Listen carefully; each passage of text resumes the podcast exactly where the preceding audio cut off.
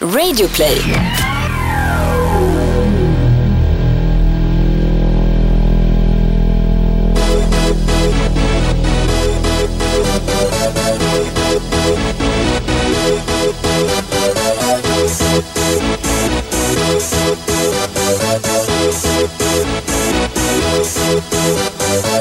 Y'all ready for this? Glad påsk säger vi från eh, värdshuset i Mariefred. Här sitter jag och Thomas med eh, en av eh, svensk fotbolls allra mest bekanta personer och kanske framförallt röster här nu i ett poddradioprogram. Bosse Pettersson. Välkommen till Toto Balutto. Tack så mycket. Jättetrevligt att vara här och kul att eh, ni är här och att vi får visa upp eh, vackra Mariefred och Sörmland och allt vad det innebär. Ja, vi, kan, vi kan säga det, miljön här är ju eh, verkligen speciell. Eh, Vi har för första gången faktiskt, Bosse, har vi tagit oss ut från studion och så gör vi ett, eh, ett avsnitt utanför, en episod utanför. Så vi har först då varit hemma hos dig och gått runt och sett mycket fotbollshistoria. Ja, jo, jag har ju, jag har ju, jag har ju klätt mitt hem med lite, lite av historien som jag har varit med Men jag hoppas att ni också hann se bofinkarna och, eh, och eh, blåmesarna som for omkring där. Mm. Han ni med och kolla dem? Eller? Ja, det hade vi med. Men på tal om blåmesar, har du stjärtmesar hemma på tomten? Det har nämligen jag. Och det är en fantastiskt fin fågel. Vitt huvud och så lång, lång stjärt. Du har väl någon, någon gammal ornitologpolare? Ja, Där du har plockat upp de här bitarna Alltså, mitt mål egentligen eh, med karriären, det är att bli så stor så att jag får med, vara med i SVTs nya satsning, alltså känd. Så jag får med i SVTs nya fågelskådarsatsning satsning som de har. Nu är det Arman Kranch som kör den. Ja, då, är- då är det ju ett par år bort. Ja, Jag är ett par år Om de bort. redan är på Arman Kranch. Hur mår du eh, Bosse? Nyligen hemkommen från Grekland. Ja, nej, men jag mår jättebra. Ehm, Jag brukar säga att eh, man lever sin eh, bästa tid nu. Jag har ju varit med några år och liksom känt av lite hur det är som 30-åring och 40-åring och 50-åring och 60-åring och nu håller jag på att uppleva eh, 70-åringens eh, vardag och den, den är jättemysig kan jag säga. Snart är, välkomna! Snart är det andra halvlek. Ja, det var väl egentligen för, för några år sedan. Det är klart att jag är väl inte lika, lika snabb. Jag tror fortfarande att jag tar er, båda er en mot den situationen. Men ehm, lite äldre, eh, lite mer gråhårig har man ju blivit. Men, eh, Ja, fast ja. färgen är väl en sak. Du har ju ett fantastiskt hår. Det, det är nog alla överens om. ja, men jaha, ja, det är möjligt. Ja, men ehm, det fick jag nog av min morfar eller farfar eller något sånt där. Man brukar ju få det i andra generationen. Där. Jag vet inte vad du säger Thomas. Det är är ju fem plus hår. Ja, ja, verkligen. Tyvärr då, jag sitter med mössa på mig nu. Tyvärr har jag då fått min, som du säger, andra reaktioner. Jag har fått min morfars hår. Jag menar, alltså, Bosse har ju tio gånger mer hår än vad du har. Ja, ja, absolut. Eh, men, men just det där, det, det är ju sorgligt att, eh, att man får då, eller för min del, att jag fick eh, från morfars. Ja, det är ju roligt att man har skaffat sig uppmärksamhet för någonting. Du Bosse, vi brukar börja varje avsnitt när vi har en gäst med oss med en faktaruta. Eh, Så det är bara, frå- eh, det är bara svara på frågorna som Okej, kommer. Jag ska försöka. Jag tror att eh, du ska kunna svaren på de flesta. Mm. Fullständigt namn. Bo Ingvar. Pettersson Ingvar efter min far. Får, jag, får man fråga där kring namnet? För att du stavar ju med ett T. Ja. Det känns dock som att ingen någonsin får för sig att säga Petersson. Jag kommer ju från Kalmar i Småland. Där säger de Pettersson. Så att eh, det är nog lite därifrån. Nej, men det, det, jag håller med dig. Och det är klart att eh, skulle jag vara noga så Vad skulle du själv säga att du heter? Nej, jag, jag, har alltid sagt, jag har alltid sagt Pettersson. Bosse Pettersson. Så det, det får nog hålla. Men det stavas ju med ett T och två S. Ja. Fråga mig inte varför. Ålder? Ja, jag är ju, fyllde ju 70 i, eh, 2016. Så att, eh, jag är ju inne nu på ska känna av hur det är att vara, vara 70 plus. Så att, eh, ja. Var är hemma för dig? ja, det var en bra fråga. Tack. Ja, varsågod. Ja, nej, men jag har ju fått runt lite. Jag, som sagt jag är född i Kalmar, flyttade tidigt till Stockholm, eh, kom hit som tre, fyraåring. Är fortfarande stolt och glad över att säga att jag är född i Kalmar. eh, Besöker Kalmar. Jag har min 101-åriga faster levande fortfarande i Kalmar. Eh, Har hon bra hår? Ja, det har hon faktiskt. Har hon det? Ja, det har hon. Hon är framförallt väldigt, väldigt klar i huvudet. Och det, det ser jag och hoppas att det är ett eh, släktdrag. Eh, sen är jag uppväxt på Söder i Stockholm, Gubbängen som det hette. Det var ju ett av dåtidens eh, sån här miljonbygge. Eh, vi hade varken varmvatten eller, eller eh, eh, toalett på storkök och Brinken. Tänk om man hade haft den lägenheten kvar idag. när vi flyttade upp från Kalmar. Men sen blev det Gubbängen och där är jag uppväxt på Söder. Flyttade som 15-åring till Solna. Så att när du frågar så känner jag nog ändå att det är Solna som, som saker och ting började hända. Samtidigt så eh, växte min familj upp i Spånga i Västerort i Stockholm. Sen har jag fått runt lite då med, med fotbollsgrejer. Så att, eh, ja, inte tusan vad jag känner. Jag, jag, på något sätt så känner jag nog nästan att det är där vi sitter idag, Mariefred. Jag har ju bott här sedan 2004, vi har haft ett landställe här sedan 60-talet. Så det är lite, lite Mariefred och Sörmland känns ändå hemma. Det kändes väldigt jag hade mycket... tänkt på frågan. Ja, men det kändes väldigt mycket Bosse Pettersson när vi kom till eh, din gård med alla små hus eh, på tomten. Så där. Det kändes eh, verkligen som du där. Ja, jag trivs jättebra. Eh, fantastiskt bra. Jag kan säga när vi, vi flyttade från Spånga till eh, Sundbyberg eh, så kände jag att nej, det här är nog sista gången jag håller på med alla packlådor och grejer. Men eh, sen har jag lärt mig att det, det är var sak har sin tid här i livet och på något sätt så, så när vi flyttade hit för 12-13 år sedan så nej, jag känner mig väldigt, väldigt hemma där i skogen, det kan jag säga. Jag trivs väldigt bra. Men en liten bit av ditt hjärta har du lämnat i Grekland också. Ja, det, så är det. Eh, jag jobbade i Grekland i mitten på 90-talet då, då eh, och en vända i början på 2000-talet. Så att eh, jag, jag trivs väldigt bra i Grekland. Jag trivs med maten, med drycken, med människorna. Jag tycker greker är väldigt generösa människor när man kommer dem liksom lite innanför för skinnet. trevliga, det är alltid rent och snyggt. I, där man tänker på restauranger och sånt där. Mm. Så att, eh, sen har de ju sol och värme. Mm. Inte så pjockigt. Föredrar du Mytos eller eh, Oso? Kaiser. Ja. Mellanvägen. Nej, men det är klart att kombinationen är inte så, så pjåkig, Gusten. Sen vill jag säga att jag tycker att Grekland har ett eh, oförtjänt eh, dåligt rykte när det gäller sina viner. De är mycket, mycket bättre än vad, vad ryktet... Vi förknippar ju lite grekiska viner med Retsina och sånt där, men det prova på, vill jag påstå. Vilka språk behärskar du? Ja, det har väl varit en av de, de, de svaga bitarna. Jag tycker jag är hygglig på svenska. Jag klarade mig hyggligt i Grekland på min engelska. Skulle nog inte kunna vara engelsk förbundskapten när det gäller språk. Jag har ju läst tyska och franska i skolan. Men utan större framgång. Svennis var väl inte sådär briljant på engelska? Han är ju helt okej okay på italienska, det ska ju sägas. Mm. Magnus, Men han var ju där många år också. Magnus Svensson plays. Not Anders Svensson. Klassisk sägning inför premiären VM 2002. Ja, jag är väl glad att det inte finns så många inspelningar från mina presskonferenser där i Grekland. Men... Försökte Nog ska du... vi kunna hitta en, eller hur Gustav? Försökte du dig på grekiskan? Ja, det var alltså med, med åren så har det nästan blivit ett eh, sådär, jag måste lära mig grekiska. Eller är det här klassiska, du förstår grekiska bättre än vad du kan prata det? Ja, jag vill inte påstå det. Jag träffade en, en kille på vägen ner när jag var på väg ner till Grekland som heter Staffan Stolpe. Så son till Sven. Eh, han hade levt i Grekland i tio år. Eh, satt på samma plan som jag när jag skulle åka ner. Så vi kom eh, i samspråk där. Och då frågade jag just om språket. Och det är en författare. Han har ju liksom på något sätt någon, någon språknerv. Men han sa det, det, det, det, lägg inte ner tid på det, sa han. Det är ett alldeles för svårt språk.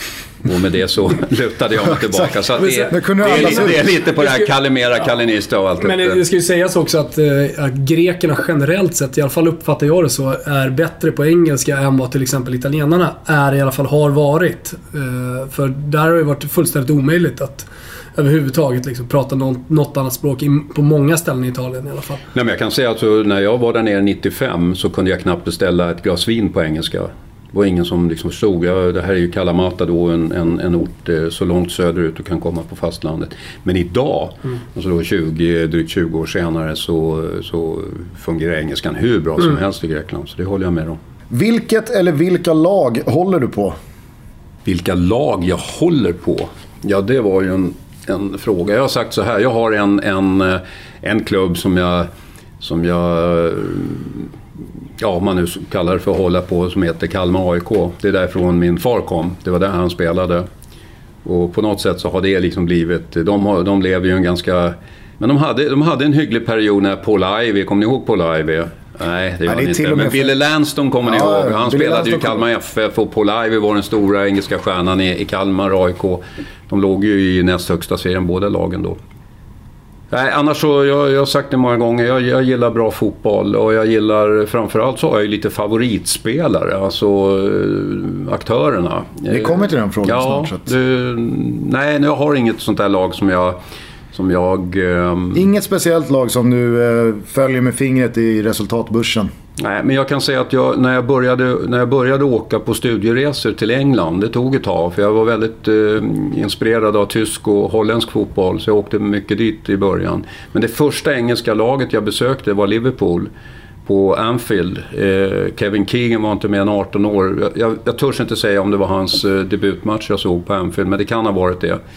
Eh, jag tyckte Liverpool spelade en fotboll då på, på 70-talet som eh, var helt eh, egen stil med Steve Highway och hela det där gänget. Så att det är klart att den, den, den resan och den, den eh, impulsen jag fick därifrån, den, den, kan jag, den kan jag känna. Men eh, att säga att jag håller på Liverpool, det, det, det gör jag inte. Jag följer inte så. Jag kan ibland vara lite avundsjuk, jag kan säga det. Jag har ju haft det här som yrke eh, i drygt 40 år. Eh, Men ibland är jag lite avundsjuk på alla de som har de här klubbkänslorna, alltså de här riktiga eh, klubbkänslorna. Eh, som kan sörja och, och, och glädjas och gråta och bli förbannad och alltihop där. Jag, jag, jag har inte upplevt liksom fotbollen från den sidan egentligen. Så det kan jag ibland känna som lite, lite, lite fattigt. Ett Finns... jävla långt svar på Ja, en men det är fråga. bra. Finns det något lag som du verkligen inte håller på, som du kanske rent av föraktar? Ett lag som jag föraktar. Nej, så kan jag inte. Nej, det kan jag inte. Jag kan inte förakta. Man kan väl inte förakta ett, ett, Det kan man. Ett, kan man det? Ja, det kan man. Oj, Absolut. oj. Det tror jag Thomas skriver under på också. Nej, men inte ett lag man föraktar. Alltså, jag, sen, Ja. sen det har ju vi varit inne på det tidigare också. Eller jag har varit inne på det personligen. Alltså just det där förakt eller att man känner att rivaliteten nästan slår över. Det, det går ju lite bort med tiden också. Alltså, jag, jag kunde känna förakt mot, eh, mot Djurgården dagarna derbydagarna på, på 90-talet. Eh, Och eh, jag pratade inte med mina vänner de dagarna som var djurgårdare. Sen när allting var över, ja men då var allting som vanligt igen. Nu, eh, nu känner jag inte. Det är ett Stockholmsderby på, på måndag mot Hammarby. Och jag, jag känner inte riktigt det, de, de känslorna på samma sätt längre. Men jag tror att... Även om det brinner till lite och pirrar till såklart på, på ju närmare man kommer. Fast jag, jag tror att varför matcher, alltså vissa matcher blir stora och håsade och uppsnackade och intressanta för folk att följa jämfört med andra matcher som inte är det. Där tror jag att den avgörande beståndsdelen är att det finns en antagonism, det finns en rivalitet snarare än att oj vad vi tycker om vårt egna lag. Det är ju det som gör derbyn till derbyn eller eh, Real Madrid mot Barcelona. Det är ju lika mycket kärlek till Real Madrid som jag tror att det är förakt gentemot Barca som bygger den matchen. Ja, men, men det ska jag säga, det tar man ju med sig eh, även i matcher när man inte möter de riktiga ärkerivalerna. Alltså när Bayern kvitterade här senast sent eh, med Paulsen. Då blir man ju, eller jag i alla fall, knyter näven lite. Man blir lite förbannad. Ja, nej men eh, jag förstår vad ni säger och det, är- det är ju så, det är ju så idrotten bygger på. Men eh, jag, jag, jag vill ju på något sätt samtidigt eh, propagera och vara en talesman för att eh, liksom älska ditt lag mer än, än någon, att du gör någonting mot motståndarlaget, alltså rent generellt. Ja. Om jag formulerar det som att vilket lag var skönast att slå som tränare då? Ja, alltså, jag, det har alltid varit kul att slå Hammarby. Det har alltid ser. varit, det har alltid varit roligt. Du ser. Det är lag som har, jag tänker nu på Stockholmsgrejerna och, det som alltid har varit roligt eh, under de åren jag jobbade i Vasalund var ju att slå Brommapojkarna. Mm. Ja men alltså det tycker jag, det, det, har, jag ingen, det har jag ingen svårt att, att, säga. För det är klart att det... Och det men, tror inte jag Men jag föraktar inte Bayern Nej, nej, Hammarby. men jag tror att varför det var skönt att slå BP, eller skönare att slå BP jämfört med andra lag, hade ju nog inte så mycket att göra med att du gillade Vasalund. Utan det fanns ju någon liten Ja, eh, liksom, så är det ju. tagg i dig Det är klart. från Det är ju hela BP-hållet. nerven som du pratar om. Alltså som även finns i lägre ner divisionerna, även mellan eh, Vasalund och BP. Mm. I det här fallet, ja men det finns en historia. BP kanske en lite större klubben, lite mer framgångsrik än Vasalund, men en li, ett, ganska liknande klubb ändå med, med duktiga ungdomar. Så jag tror att det är om man ska liksom lite filosofiskt hamna i det där, alltså det här att den lilla slår den stora. Det är ju lite det man kommer ifrån också. Jag är ju uppväxt i Gubbängen och ganska enkla förhållanden och liksom där att... Alltså det här att, och nu sitter vi i gustavianska ja. sidenfåtöljer på ett värdshus i Mariefred och du blickar ut över dina ägor. Nej men det är klart att, det är klart att jag... Nej men det är klart att med Kalamata där som var, som var eh, en, en underdogs i Grekland. När, när vi slog Panathinaikos och, och Olympiakos hemma där i Kalamata så det är klart att det var, var, var väldigt eh, känslostarkt. Eh, men det har ju ingenting med förakt att göra. Ja, men man, på, behöver, man kan svara nej på frågan. Ja, jag svarar ja, nej. Alltså... På tal om eh, Kalamata och det vi pratade om tidigare med språk. I, I, Italien så har man ju en förkärlek för att kalla matcher, sätta epitet på matcherna. Så det finns till exempel Il Derby del Riso. Eh, risets derby mellan Novara och Provercelli. Finns det ett eh, olivderby möjligtvis eh, borta i Kalamata? Ja, då fanns det. Inte idag finns det inte det, men då fanns det. För det fanns nämligen på den här lilla, lilla halvön, eh, Peloponneserna som det heter, där fanns det tre elitlag vid det tillfället. Ett i Patra, så som är den stora orten, Panahaike som laget heter. Och sen eh, Pylos som var det tredje laget, en lite mindre stad. Så att det, det fanns ett eh, Peloponnesus-derby, mm. absolut. Och det som vi kan kalla för Olivderbyt. Det kan vi kalla för Olivderbyt. Det tycker jag är skitbra. Favorit... Jag lanserar faktiskt. Favoritspelare genom alla tider? Ha en enda. Nej, du kan nämna flera såklart. Nej, men alltså, de stora... Spelare är ju ett sånt här härligt ord som både fungerar som singular och plural. Eller hur? ja, så är det. Vad bra svar. Det var mycket bra. Ja, men jag tänker på, jag hade två, två enorma inspiratörer. De är ju eh, lite, lite eh, i samma åldersgrupp. Men alltså Johan Cruyff och eh, Frans Beckenbauer representerade den fotbollen som, som jag tog till mig tidigt. Alltså den holländska tyska. Det här var ju två dominanta figurer i den fotbollen. Så att eh, absolut, eh, de har inspirerat eh, och inte bara som spelare utan där blev vi också ganska duktiga coacher. Det är inte alltid det är samma sak. Men den, den som... Den Frans Beckenbauer är väl fortfarande den enda som har vunnit VM både som spelare och förbundskapten? Ja, det skulle jag tro. Vill jag tro. Jag ska inte svära på det, men, men jag, jag, jag, började, jag, började, jag började fundera lite där. Men du, du kan mycket väl ha rätt. Mm. Ja, för att uh, vi kan... Ja, det där skulle vi kunna snurra in oss på. Men, nu började, nu började ja, dina nej, tankar gå och ja, mina började ja, gå. Ja, nej, men det tror jag inte. Jag tror du har rätt där. Men... Eh, eh, den spelare jag tänker på, och det, har, det, är, det är en väldigt speciell situation. För jag är 12 år, sitter på, på södra fondläktaren på, på Råsna fotbollsstadion. Ser när Nisse Lidholm ger Sverige ledning med 1-0 i VM-finalen 1958 stort minne och en, en, en stor inspirationsdag. Men då var ju Pelé 17 år på, på banan och gjorde två mål för, för Brasilien och det var Brasiliens första VM. Och det var en, liksom en halleluja-stämning som, som påverkade en 12-åring. Och sen har jag ju följt naturligtvis Pelés eh, eh resa. Och jag, jag, jag, undrar om inte han ändå är den, den, den största, alltså med respekt för Maradona. Jag tycker ju Ronaldinho var en fantastisk fotbollsspelare som... Eh, Vad härligt, det har vi gemensamt. Ja. Som hade en lite kortare brintid. Exakt. Just när han var på toppen. Ja, ja. Eh, än eh, till exempel Messi, till exempel Ronaldo. Exakt. Men kvalitetsmässigt absolut i den klassen. Ja, men när han stod på toppen och just ja. den fotbollen som han representerade också. Ja, där fick du... Ja, jättebra. En spelare som du aldrig riktigt gillat? Ja, det är också en sån där alltså, fråga som man, som, eh, som man aldrig har gillat. Finns det sådana? Ja, det är klart det gör det väl kanske. De jag vill ju ändå... tro att det gör det. ja. Även fast jag vet att du har ett gott och öppet hjärta. Och gärna inte sablar ner någon så här i, Nej i retroaspekt. I alla fall inte med det syftet. Däremot kan jag ju vara ganska kritisk mot hur man som spelare, alltså när jag är, när jag är kritisk i, i eh, tv-studion där mot exempelvis eh, Wayne Rooney vid något tillfälle eller mot Stevie Rod vid något annat eller Frank Lampard som det var på den tiden. Då, to, då to, tror folk att jag inte gillar dem eller de klubbarna. Det är ju inte så. Utan jag försöker bedöma det jag ser. Men det fanns, ju, det fanns en eh, det fanns några tuffingar där i, i engelsk fotboll som eh, ramlade ner i huvudet på mig. Men samtidigt gillar jag ju lite av det där. Jag tänker på en sån här som Norman Hunter, kommer du ihåg? bara ramlade ner i huvudet. Första gången Norman Hunters namn nämns i den här podden.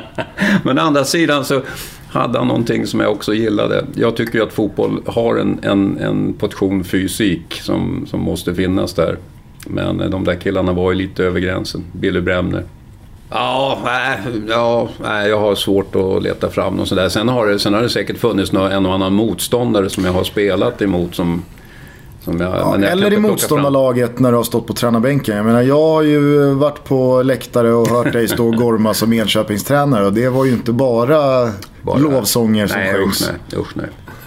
Det är tur att det inte finns inspelningar. Vi ska hitta dem. ja, ja. Nej, men... Eh, Eh, just som tränare så, där så är det ju lite speciellt att stå vid sidlinjen, har jag börjat märka nu också. Eh, redan eh, när tjejerna, åtta år gamla, spelar match så börjar man titta lite snett på vissa motståndare. Intressen utanför fotboll? Ja, det, är så, det, det, blir ju lite sån här, jag höll på att säga, normalt svar på det. Alltså jag, familjen har ju varit eh, liksom det absolut, nu kan man inte säga att familjen är ett intresse egentligen, men eh, vid sidan om fotbollen så har jag ägnat väldigt mycket tid åt min familj och sett till att det har funkat. Och, och är glad att familjen ser ut som de gör idag. Jag har ju sju barnbarn nu, och har tre egna barn och ehm, Anita, min fru, vi firar 50 år i bröllopsdag nästa år. Eh, så att det, det, familjen har varit otroligt viktig under hela den här långa resan som jag har hållit på med fotboll. Det är hashtag eh, goals. Ja, man kan ha... Var och en väljer sitt, sitt eget liv och sina egna saker. Men jag, jag har... Jag, när jag, var, när jag var innan vi fick barn och sånt där så levde jag ett, ett liv. Men jag tycker just i den sekunden när jag blev farsa då, då förändrades väldigt mycket och jag såg saker och ting på lite annat sätt. Och sen har jag Sen har jag lagt ner tid och kraft på att värna om det och det har naturligtvis också påverkat en del beslut man har tagit eh, fotbollsmässigt. Eh, jag älskar ju golf. Jag är, ingen, jag är ingen bra golfspelare, jag är en dålig golfspelare. Men jag, jag är så fascinerad av det här spelet och det har, det har varit väldigt fostrande för mig. För att eh, som spelare i fotboll, det känner ni till, där, alltså har man inte dagen så kan man gå in och fighta så man kan eh, verbalt eh, och man kan få fram adrenalin och man kan skälla på andra och, och så är man igång. Golfen är ju precis tvärtom minsta lilla frustration och, och alltså, så är du rökt. Va? Utan där, där är självbehärskning och alltihop. Så att den, har, den har varit väldigt bra. Jag har spelat länge men jag är inte speciellt bra. Men jag, jag är väldigt fascinerad av det. Du är ju också, eh, såg vi hemma i din boning, medlem i Hole-in-One-klubben. Ja, 2014 slog jag en hole-in-one nere på grekiska banan där nere. Och du sa att du kände känslor ja. som du trodde att du hade att känt för sista gången. Ja, verkligen. Det är klart att det är mycket känslor vid, vid, eh, när man blir farsa och alltihop det där. Och, Men det här slog du? Ja, ja det, det, är frågan om det. Alltså jag blev så jäkla glad. Va? Alltså jag blev så glad så att jag, jag tror till och med jag fick liksom lite tårar fram och sånt där. Och, och blev förvånad över mig själv, alltså att det där fanns kvar i, i kroppen. Men var det större än att bli farsa? Nej, det var det ju naturligtvis inte. Men eh, Ska vi enas om det? Ja, vi enas omkring det. Men Tredje det, var, det, var, det, var en, det var en fantastisk känsla att få den där bollen ramla i hålet. Ja, så, så löjligt kan det vara. Okej, vi snabbar på lite med eh, faktarutan. Finns det någon person utanför fotbollsvärlden som du ser upp till? Eller har sett upp till? Ja, alltså jag, det är klart att... Um, Ja, du tänker på liksom lite, lite människor som, mm. som verkar runt om. Eh, som har betytt mycket för dig? Som har betytt mycket för mig personligen. Ja, men fotbollsbubblan är ju i väldigt hög utsträckning just en bubbla. Så det är väldigt många som har sina inspiratörer och de man ser upp till i den. Men eh, det finns ju några som eh, har påverkats av människor utanför. Ja, verkligen.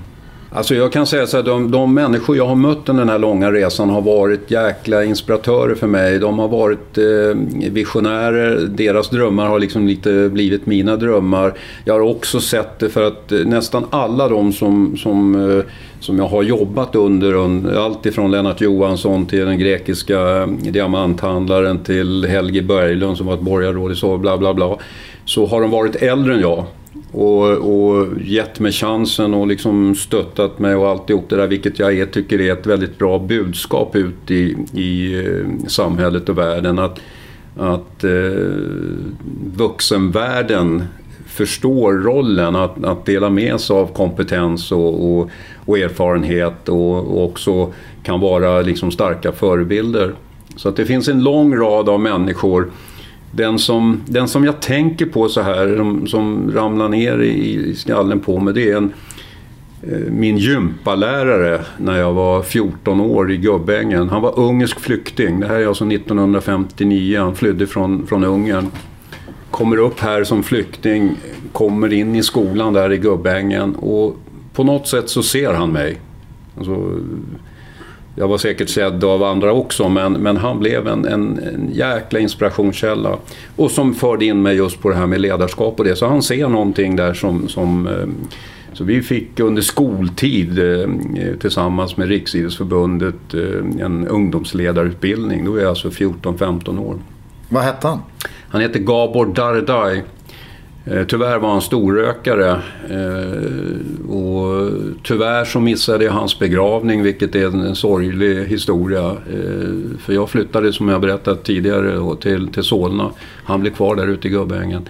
Han var med och skapade, introducerade skulle jag nästan vilja säga, basketen i, i, i Sverige. Eh, bildade en klubb där ute på Söder som heter BK Ruter. Det fanns en turnering i hans namn under många, många år. Ja, han ramlade ner i huvudet på mig nu. Eh, Gabor Dardai eh, kan ha varit en 30-åring lite drygt då, mm. som sagt, då, som tog med sig sin familj och flydde från Ungern. Jag kan ju inte säga samma sak om min gympalärare. Jag hade ju Thomas Lyth då. Trevligt.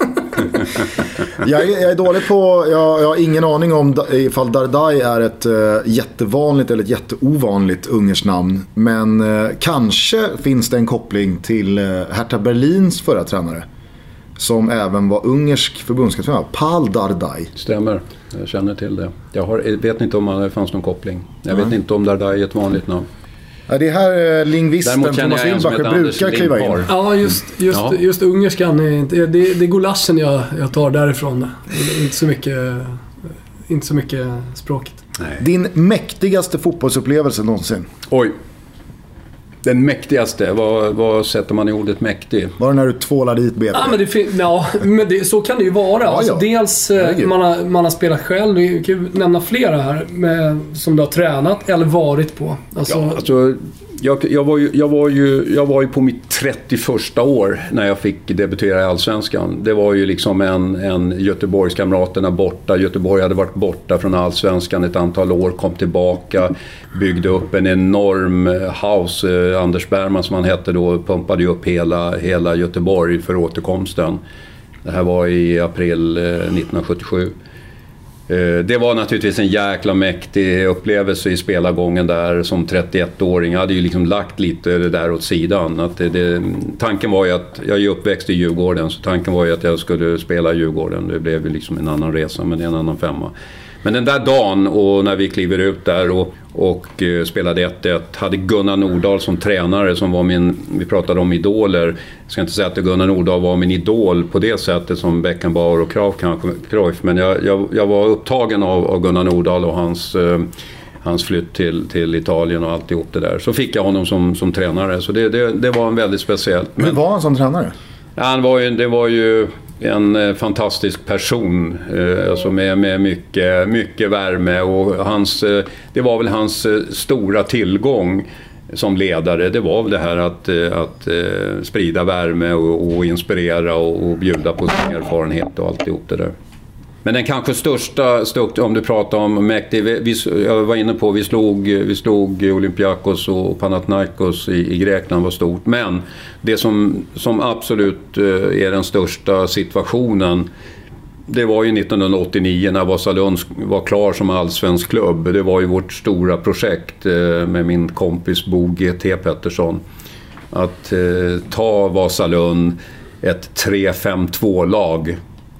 Vi hade alltså hittat alla, alla... Ni var tidiga på den bollen. Vi var ganska tidiga. Vi var ju en blandning av Holland, Tyskland och Jugoslavien. Vi hade ju några fantastiska juggar i, i juggar, som det hette i alla fall på den tiden. Ja, men det gör det Toto Balotto också. Det gör det, mm. ja vad bra. Då är vi klara på det. Eh, så att när matchen är slut uppe i Luleå, på Skogsvallen i Luleå, då ropar de i högtalarna där uppe att vi gratulerar Vasalund till allsvenska platsen. Vi var ju historiska på det sättet. Eh, sen gjorde ju Hammarby nere i Karlstad då ett antal mål på övertid. Övertid fanns inte, ordet fanns inte, men eh, det gjordes i alla fall. Järmund Nilsson som dömde matchen i Karlstad, han är numera domarbas på Svenska Fotbollförbundet, som lite parentes.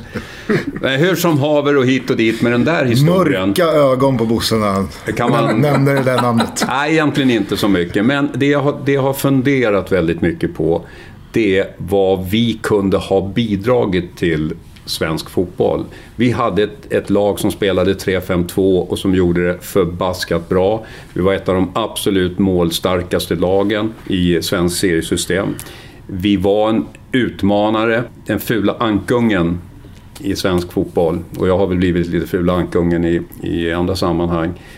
För vi utmanade det här 4-4-2, det brittiska 4-4-2 som Roy Hodgson och, och, och Bob Houghton förde in. Så att jag har alltid funderat på vad som skulle ha kunnat skett om vi hade kunnat eh, liksom kliva vidare. De ekonomiska förutsättningarna var jättestora i Vasalund som hade kommit på att eh, svenska folket tyckte om att spela bingo så det rasade liksom in pengar vid det här tillfället. Vi värvade ju Bernt Ljung från AIK, Peter Gerhardsson från, från Hammarby och så vidare. Så att Sammanfattar jag det här så är just de där, de där minuterna där uppe i, i Luleå på Skogsvallen när min kompis kom springande och sa att du, stopp, stopp, stopp, stopp, det är inte slut i Karlstad. Och precis när han säger det till mig, precis när jag får den informationen så bara kände jag rakt igenom kroppen så att det här går åt fanders och det gjorde det. Så att eh, det var en, eh, en känslosam eh, historia. Går du tillbaks till den stunden ibland fortfarande? Eh, jag träffar ju fortfarande Bosse GT, det är en av mina kompisar och vi träffas ganska regelbundet. Om man nu tycker ganska är en gång i veckan, för det träffas vi. Och vi har sagt att vi, vi, vi nämner inte den här dagen uppe i Luleå. Och vi pratar om väder och vi pratar om familjen och vi pratar, men på något sätt så kommer vi dit i alla fall. Ni, ta ni tassar bara runt den varje vi gång Vi tassar runt den, men vi kommer dit. Har du, eh, har du uteslutit eh, liksom muter eller något sånt där? Nej, alltså jag, jag har ju fått den här historien berättad för mig från så många håll. Vi hade en Vasalundsspelare. Jag har ju hört det här från andra håll också, mm. som vittnar om att det var, det var ganska märkliga mål mot slutet där. Nej, alltså det som 6-0 blev det. Ja, så var det nog ja. Så att, eh, nu hade vi, nu ska man säga till historien att vi har en straffspark efter 15 minuter. Den, den absolut bästa straffläggare, jag höll på att säga nästan har varit i närheten, han hette eh, Dragan Stevovic. Eh, brände den.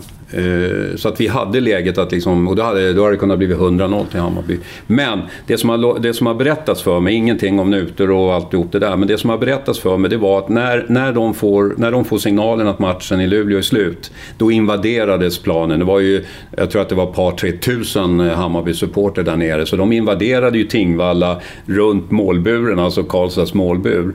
Så att på något sätt så kändes det kanske som att det är Järmen Nilsson och kompani är lite förlåtna. Alltså det fanns bara ett resultat som, som... Och dagen efter fick jag sitta i... Uh, Ulf Elving hade ett program som hette Efter tre, så där satt Kenta Olsson som tränade då Hammarby. Så att jag fick överlämna lite blommor och krama honom. Där. Mm. Förnedring. ja. Vem från fotbollsvärlden hade du helst velat dela en flaska vin med? Ja, inte tusan om jag hade velat dela något vin med dem, men alltså eh, hela fotbollsfamiljen bygger ju på ett, ett, ett, regelverk som handlar om fair play. Det har ju varit eh, någonting som man har pratat om väldigt, väldigt länge i, i fotbollssammanhang. Uefa har ju faktiskt tio budord som är väldigt bra skrivna just kring temat eh, fair play, respekt för varandra och älska vår sport och där. Och det är klart att idag skulle jag gärna sätta mig utan vin, utan jag skulle bara vilja ställa frågan till, till eh, Platini och, och Blatter. Alltså hur, hur tänkte ni? Här representerar ni en organisation som ska vara inspiratörer och förebilder för, för alltså, världens största sport i alla delar. Och så kan ni inte hålla, hålla fingrarna ifrån. Jag skulle inte vilja dela en vinare med dem, men jag skulle vilja snacka med dem hur ni tänkte. Mäktigaste numret som du har i din telefonbok? Jag, har, jag, har, eh, jag pratade med honom för, kan det vara, tre veckor sedan. Min eh, president jag hade i eh, Kalamata, fantastisk person. Stavros Papadopoulos, han är nu 83 år. Det känns som ett vanligt namn i Grekland. Ja. Supergivet namn. Ja. Stavros Papadopoulos. Ja. Eh, han har sitt kontor i Hongkong. Han har sitt fotbollslag i Grekland. Han har sin diamantgruva i Brasilien. Han har sin fru som är peruanska boende i New York. Den här rutten gör han fortfarande som, som 83-åring. Äh, en helt fantastisk man. Det här är två, två dagar före för julafton eh, 1995. Anita och jag hade köpt en duka, en glas och porslinsbutik i Kista centrum. Och det var, eh, ja ni vet ju, julhandeln är ju 50% av årsomsättningen i detaljhandeln. Så jag står där och så får jag ett telefonsamtal av eh, en person som jag inte hade en aning om då. Hon säger att har du lust att komma ner och träna mitt grekiska fotbollslag? Så jag sticker iväg utan att lova Anita att jag kommer inte att skriva på något kontrakt. Det finns ingen möjlighet utan jag kommer hem och är med i mellandagsrean och alltihop det där. Så jag kommer ner dit och träffar honom. Och då säger han till mig så här, jag frågar honom hur letar du upp det här och hur hamnade jag här? Ja, jag vill ha en, en skandinavisk ledarstil på mitt lag. Jag har höga ambitioner med det här laget. Vi ska först se till att vi är toppen i Grekland och sen ska vi ut i Europa. Så jag kom dit sent på, på kvällen och så sa han till mig så här att eh, gå upp och lägg dig nu så syns vi klockan sex imorgon bitti. Sex imorgon bitti. På frukostbordet. Och ja, jag gick och la mig där i, på något av de där stora hotellen i, i Aten. Träffade idrottsministern, han var gift med någon svensk kvinna där. Så, så det var stor baluns där. Men jag kom i säng och så gick jag upp eh, klockan sex på morgonen och mötte honom där nere. Och, så mitt, mitt, i, mitt i kaffekoppen där så ställer han frågan så här till mig. Vill du ha jobbet? säger han. Och då kände jag så här. Nu har jag tre sekunder på mig. Jag kan inte säga att jag ska åka hem och lyssna med Anita.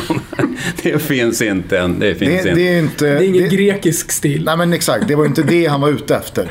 Jag ska åka hem och konsultera med, med min fru. Det är såklart ett, ett eh, det hade varit ett bra svar, men jag tror att när, i det han sökte så var det ju... Han ville ha en handfast ja. Det var det han sökte. Precis. Och så tolkade jag honom. Och tänkte att jag får ta matchen på hemmaplan. För jag hade lovat Anita, inget, inga kontrakt utan du åk ner och kolla och kom hem.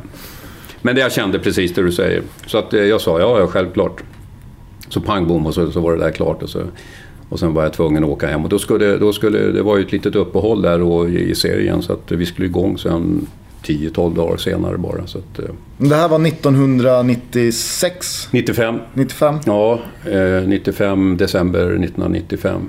Så att eh, det är absolut den, den person som eh, har betytt absolut mest för mig när det gäller, gäller fotbollsbiten. För jag hade, jag hade två fantastiska säsonger där nere. Och det som var och det är, det, det är därför jag har, tror jag, idag en sån skön känsla för, för, för grekerna. Att det här det var liksom en hundraprocentig person.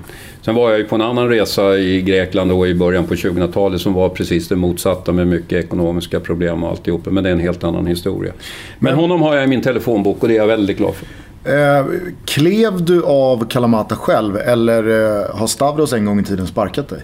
Ja, man får nog kalla det för sparka. Stavros kom till mig och sa Bo, det, det är över. Jaha. Och, vilken, jävla inle- vilken jävla inledning på ett samtal. Ja. Men jag ska berätta nu. För att det fanns en förklaring som inte var så lätt att stå emot. Då är det så här att den här Stavros som som sagt var flög liksom det här och, och, var väldigt ofta trött när vi satt och, och åt och sånt där. Så det var, ibland var det precis att huvudet höll på att fastna i, i soppan. Alltså så trött var han. Då hade jag lärt mig bara att när den där, när den där sekunden kom så började jag prata brasiliansk fotboll. Nämn Vava och Pelé och sånt där. Då, då liksom vaknade gubben till. Och så, han älskade brasiliansk fotboll. Över allt annat på jorden. Och det var ju det som var lite inspiration också, att han hade den, den fotbollen. Och då var det så att han hade lyckats, vilket jag inte visste i den sekunden när han sa att eh, Bo, nu är över. Då hade han kontrakterat Shair. Mhm.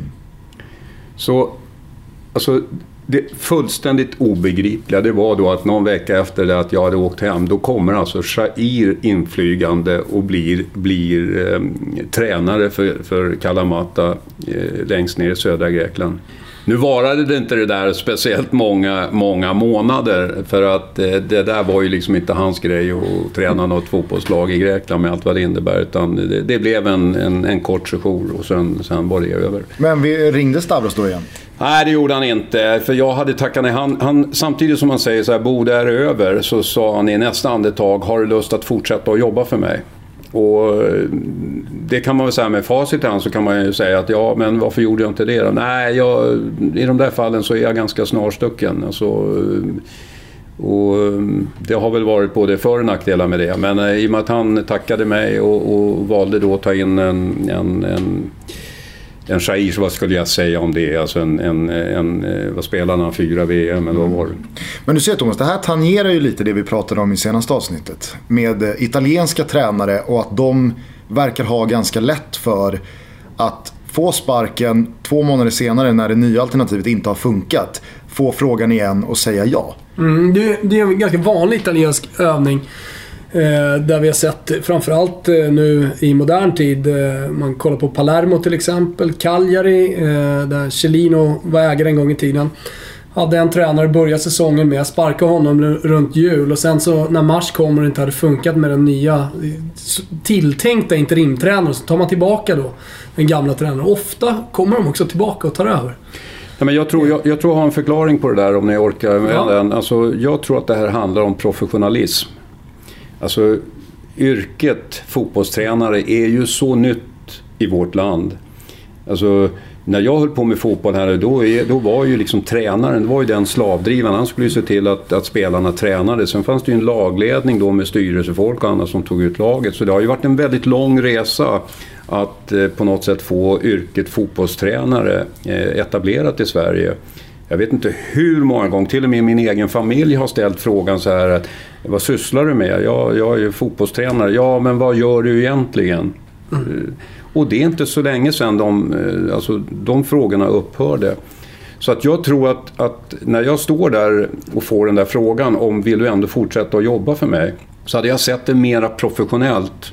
Så hade jag, hade jag sett det. Men, men då med liksom den här bakgrunden och lite svensk mentalitet och så. Nej, nej, nej. Har du, har du nu trampat lite på den där tån då... då, då ja, men man, det finns en stolthet. Det eh, finns en stolthet på något annat sätt. Som, men det säger ju alla engelska managers att det är, det är det bästa som kan hända. Både ekonomiskt och annat. Det är ju att få, få lämna sitt jobb några gånger. Det får höra att det är över. ja, exakt. Bosse, ja, det är över. Det är över. Är du tatuerad? Nej. Om du var tvungen att tatuera dig, vad skulle du göra då? Ja, då skulle jag nog skriva Anita någonstans. Mm. Mm. Jag var på Yasuragi. Jag kan ha fel här, men Gry Forssell var där också. Eh, mm. Med, eh, med familj. Och jag vill få det till att hennes man hade i rött tatuerat eh, på bröstet Gry Forssell. Mm. Alltså hela namnet. Jag kan ha fel. Jag, så, mm. jag såg det bara i förbifarten. Riktigt eh, märkligt att köra för och efternamn. Ja, exakt. Det är det. Inte bara Gry, utan Nej. Gry Forssell. Exakt. Jag, jag, som sagt, jag kan ha fel, men jag tyckte minsann att det stod Det blir nästan en sån här skev idoldyrkan i relationen. Ja, som sagt, vi ska, inte, vi ska inte hugga i sten här. Men... Det är som att skriva Jimi Hendrix. Och inte Jimmy, utan Jimi Hendrix. Ja, spännande. Ja. Det är en följetong ja. till nästa avsnitt. Anita Pettersson över hela ryggen. Snygga, snyggaste fotbollströjan du vet? Helvitt. Så Real Madrid. Eller Leeds. Eh, ja, både och. Alltså, jag följde ju Real Madrid under den där storhetsperioden när de vann fem Europatitlar var det väl i rad. Med Gento och hela det där gänget. Och Santa Maria och Di Stefano. Och, ja, precis. Ja. Tänk att Agnes Simonsson, våran svenska eh, VM-hjälte, måste man säga, mm. spelade i Real Madrid. Det är fantastiskt när jag tänker på Nej, men helvitt gillar jag och det är därför, därför vi lirar laget spelar helvitt. Mm. Finns det någon match som du skulle vilja se, men som du ännu inte har sett? Oj. Jaha. Här är det ju väldigt populärt bland våra gäster att svara eh, Boca Juniors mot River Plate. Jaha, ja, ja, ja. Varför inte? Eh, nej, den, jag har aldrig varit på den delen av, av världen och tittat på fotboll. Så gärna det. Börja, börja som 12-åring och se en eh, VM-final ja. på Råsunda ja. med Sverige på planen. Ja. Det är svårt att toppa det misstänker jag. Gå bara ut för efter det. Ja. nej, men det skulle, jag, det skulle jag kunna tänka mig. Och, och se en sån match på plats. Mm. Absolut. Sista frågan då. Om du inte får svara Messi eller Ronaldo. Vem är idag världens bästa fotbollsspelare? Idag? Mm. Ja, Finns hade, ingen tydlig? Nej, jag hade Zlatan på läpparna kan jag säga. Jag tycker han har varit fruktansvärt bra den här perioden, alltså i Premier League. Eh, men eh, det finns ju så många bra spelare där ute. Eh, jag gillar ju Griezmann naturligtvis, det är väl många som gör. Mm. Det känns som att det var någon som svarade Bale som var här. Det känns som att Bale har gått ner lite. Ja, och sen har han ju lite för mycket skador också.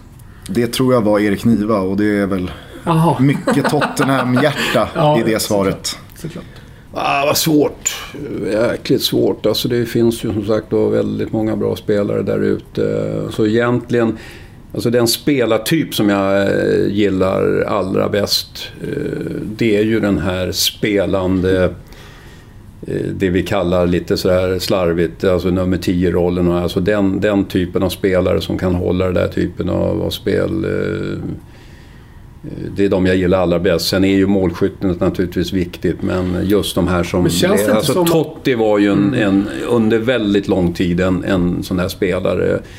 Eh, ska vi inte, känns... ska vi inte korrigera var till är? Ja, det blir svårt.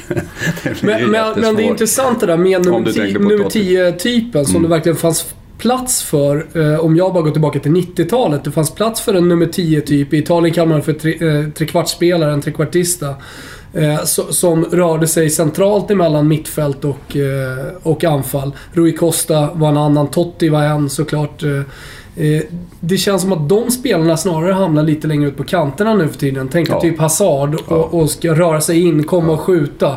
Alltså om vi har Emil Forsberg i vårt landslag eh, så, så är han också liksom lite utskjuten. Ja.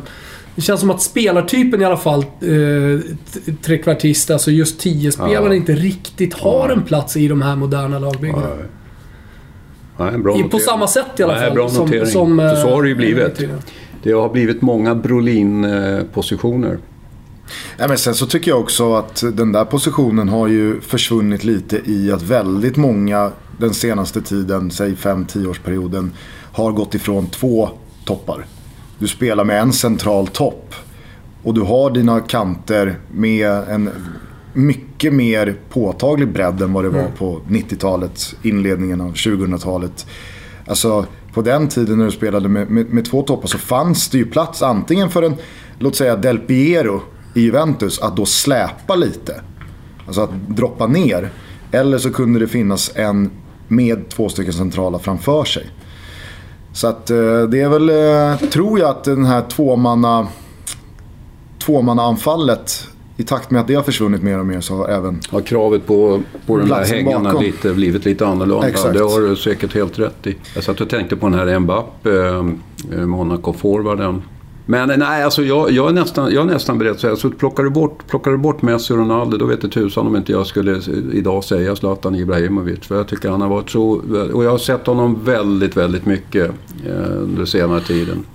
Han är, han är sin livsform på något sätt. Vi eh, bryter emellan eh, kort bara. Snart fortsätter samtalet med Bosse. Men Thomas, vi eh, fortsätter ju såklart med våra Toto-tripplar och Betsson fortsätter ju att jacka upp dem med att vi tävlar ut allsvenska matchbiljetter till en lycklig vinnare varje vecka som får ta med sig en polare och gå på valfri allsvensk match under maj månad. Den här gången så heter vinnaren Joel Tappert som vi, säger, som vi säger grattis till. Ja, grattis! Hoppas du hittar någon rolig allsvensk match som du vill gå och kolla på tillsammans med en vän. Mm, vi kontaktar dig eh, alldeles strax. Eh, och det är ju så här det går till. Man eh, går in på Betsson.com, man klickar sig in via godbitar och boostade odds. Där finns våra Toto-tripplar. Man ryggar en eller båda med insatsen 148 kronor. En liten hyllning till Anders Svensson. Och sen så screenshotar man in den under hashtag Toto-trippen på Twitter. Då är man alltså med och tävlar om utlottningen av allsvenska matchbiljetter. Hur det än går för tripplarna. Eh, den här veckan, den här helgen, så spelar jag följande trippel. Jag tror att det blir mer än två mål i mötet mellan Hoffenheim och Borussia Mönchengladbach. Hoffenheim, de är ju en... Eh, alltså det, det, är en, det är ett utropstecken. Mm. i Bundesliga-toppen. Eh, Borussia Mönchengladbach har ingenting att spara på. De behöver ta Europaplatser. Det här kommer bli målrikt.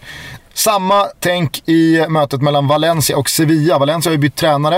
Eh, tre raka segrar. Simone Zatsa är igång. Verkligen, två mål senast i helgen. Sevilla har ju samtidigt läckt som ett såll senaste tiden, men man gör ju sina mål framåt. Jag tror att det blir mer än två mål där också. Sen så avslutar vi i Dalarna. Jag tror att eh, Dalkurd, de eh, tar en ny trea hemma mot, eh, i min mening, eh, en av Superettans absolut svagaste motståndare, nämligen Varbergs Boys. Eh, rak etta på Dalkurd. Över 2,5 i Hoffenheim, över 2,5 i Valencia och ettan i Dalkurd. Mm. Eh, jag eh, är internationell i alla mina tre spel. Eh, första hämtar vi i matchen mellan Pescara och Juventus. Eh, det är ju så att Juventus spelar i Champions League. De vann över Barca, men en viktig match eh, mot eh, Barcelona i returen. Och det här är ju verkligen ett läge för Juve att vila spelare. Ni vet ju också att de italienska tränarna roterar ofta kraftigt. De kommer såklart göra det i den här matchen också. Lirare som Storaro kommer ju spela från start. Eh, samtidigt som Pescara eh, spelar lite för sina liv här. Det är ju så att att Semans stora ärkerival är Juventus. Han kommer ju peppa eh, sina mannar rejält inför det här mötet. Och det, det, blir ju lite av en final, det blir fullsatt eftersom det är Juventus som är på besök och så här. Så det är en viktig match för Pescara som eh, har lite hopp kvar i, i serien att, eh, att faktiskt rädda kontraktet. Det kanske är sista hoppet till och med. Vad har jag lirat då? Jo, handikappet heter hos Betsson 3-0 start för Pescara. Vilket betyder då, om man översätter det till rent konkret eh, fotboll att de kan förlora med 2-0 i den här matchen och man vinner ändå på spelet.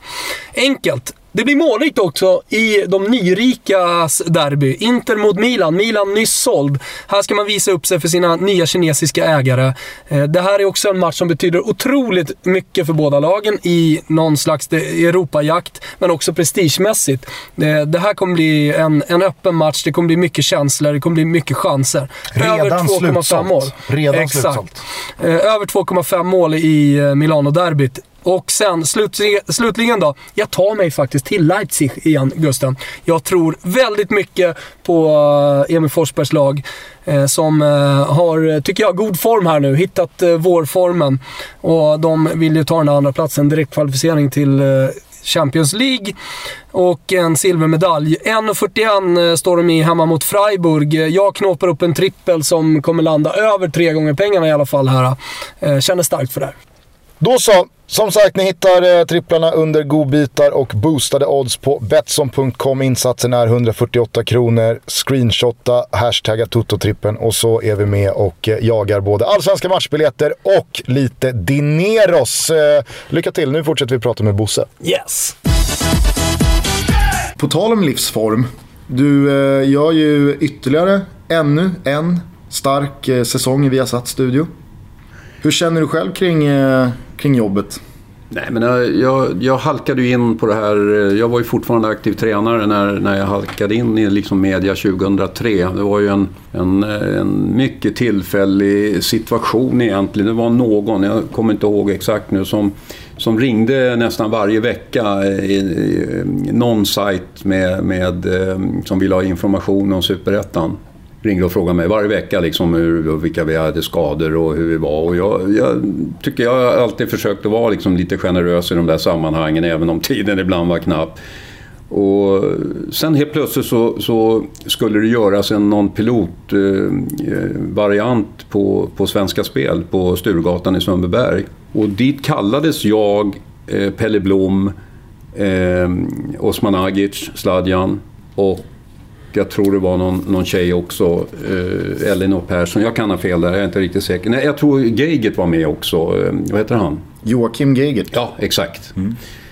Och så drog det hela igång. Så, eh, så från början där så, så gjorde vi program för eh, återförsäljarna Svenska Spel. Eh, ett, eh, Pierre Jonsson var med i sammanhanget, var lite programledare där. Och så småningom så kom Billy Lansdowne och här Thomas Nilsson för trav. Och, så det, eh, liksom där.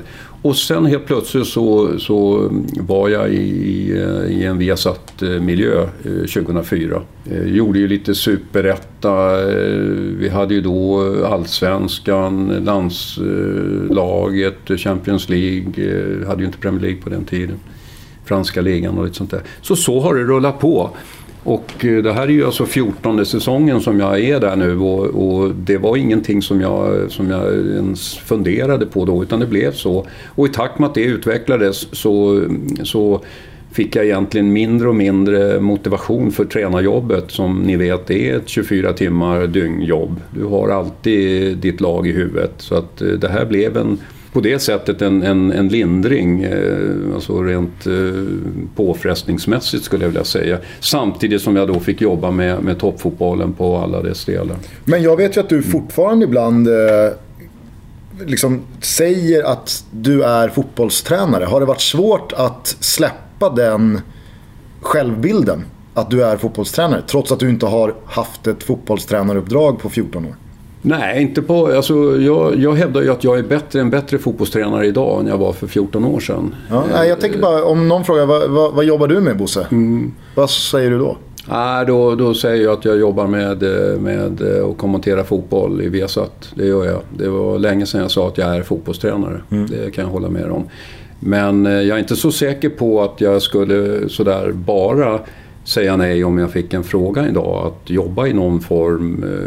Så det som är det slitsamma det är ju helheten, att hålla ihop helheten. Och jag, jag avundas inte de här som idag ska hantera liksom allt som är runt om idag. Så spelare och styrelse och sponsorer och media och supportrar. Alltså det är ganska stora mm, grupper som du ska hantera för att du ska få det att funka. Eh, tidigare var det egentligen spelartruppen och, och ordförande som du behövde mm. eh, ha riktig ordning på. Så att eh, media, media och supportutvecklingen har ju varit enorm. En, en sån, vil, vilken typ av roll skulle du se det, se det som i så fall? Vi pratade med Hasse Backa för några par veckor sedan. Han, han pratade om sig själv som i en slags rådgivande roll kanske runt eh, en tränare och en sportchef. Exakt, det är ju lite så jag tror. Jag, jag tror överhuvudtaget att samhället idag är i den fasen att, eh, att du måste fånga upp liksom erfarenheten och rutinen. Varför ska, man, varför ska man göra samma misstag två gånger? För det är klart att, att under den här långa 40-åriga perioden så har man gjort en, en, en, en massa misstag i olika sammanhang. Jag, jag, är lite mentor idag till, till lite unga tränare och sånt där eh, och det, det uppskattar jag enormt för det, det gör att man också håller igång eh, eh, tankeverksamheten lite. Det jag saknar, det jag riktigt saknar och som inte TV-jobbet kan, kan ersätta det är ju den här nerven vid en match. Eh, alltså att få coacha och få ihop pusslet och med allt vad det innebär med att käbbla lite med, med fjärdedomaren och sånt där. Alltså det, det, det får jag ju inte idag. Tror du det är i väldigt hög utsträckning den specifika detaljen som har gjort att några av dina kollegor från Viasat har egentligen på stående fot lämnat när uppdraget har kommit. Jag tänker Magnus Persson har ju suttit där ena dagen och så andra dagen var han borta för att det dök upp rätt jobb. Jens eh, Fjällström. Eh, Jens Fjällström, eh, Lasse Lagerbäck, nu är han väldigt frekvent i studion ändå. Men är det den detaljen tror du som är avgörande? Ja, att du inte kommer ifrån, du vill tillbaka till den där kicken. Ja, jag tror att den är en... För den, den kommer du inte åt. Alltså, sen, sen finns det ju andra bitar i det här eh, naturligtvis som inte heller är jämförbart på något sätt.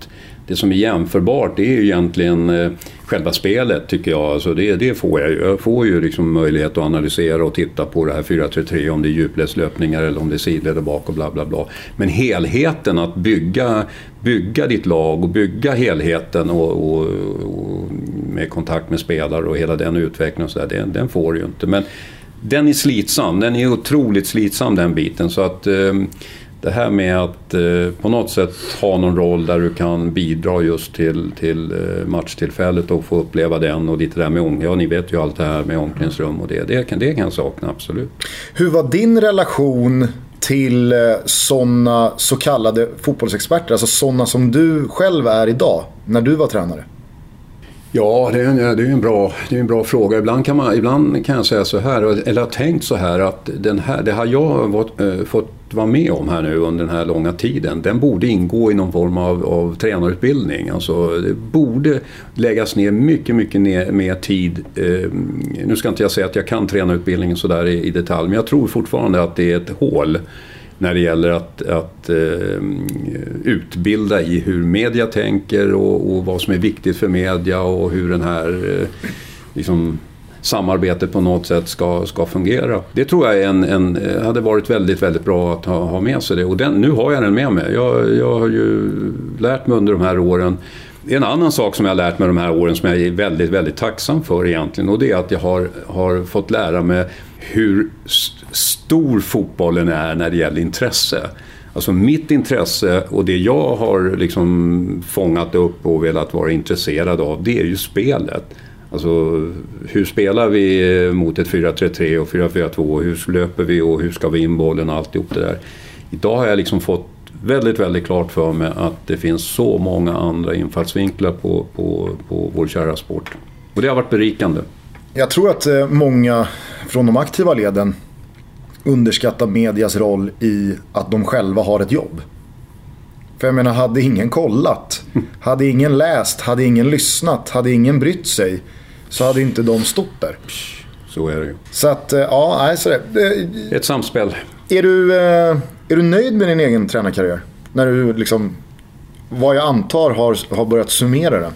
Eller kände du att, fan, det, det, det, hade, det fanns en växel till? Ja, så kan man, så tror jag, på att säga, alla känner lite. Att det är klart att, eh, att det hade gått att ta en bit. Men alltså, jag sa det tidigt eh, att jag har gjort jag har gjort medvetna val med eh, respekt och med hänsyn till min familjesituation. Det är solklart.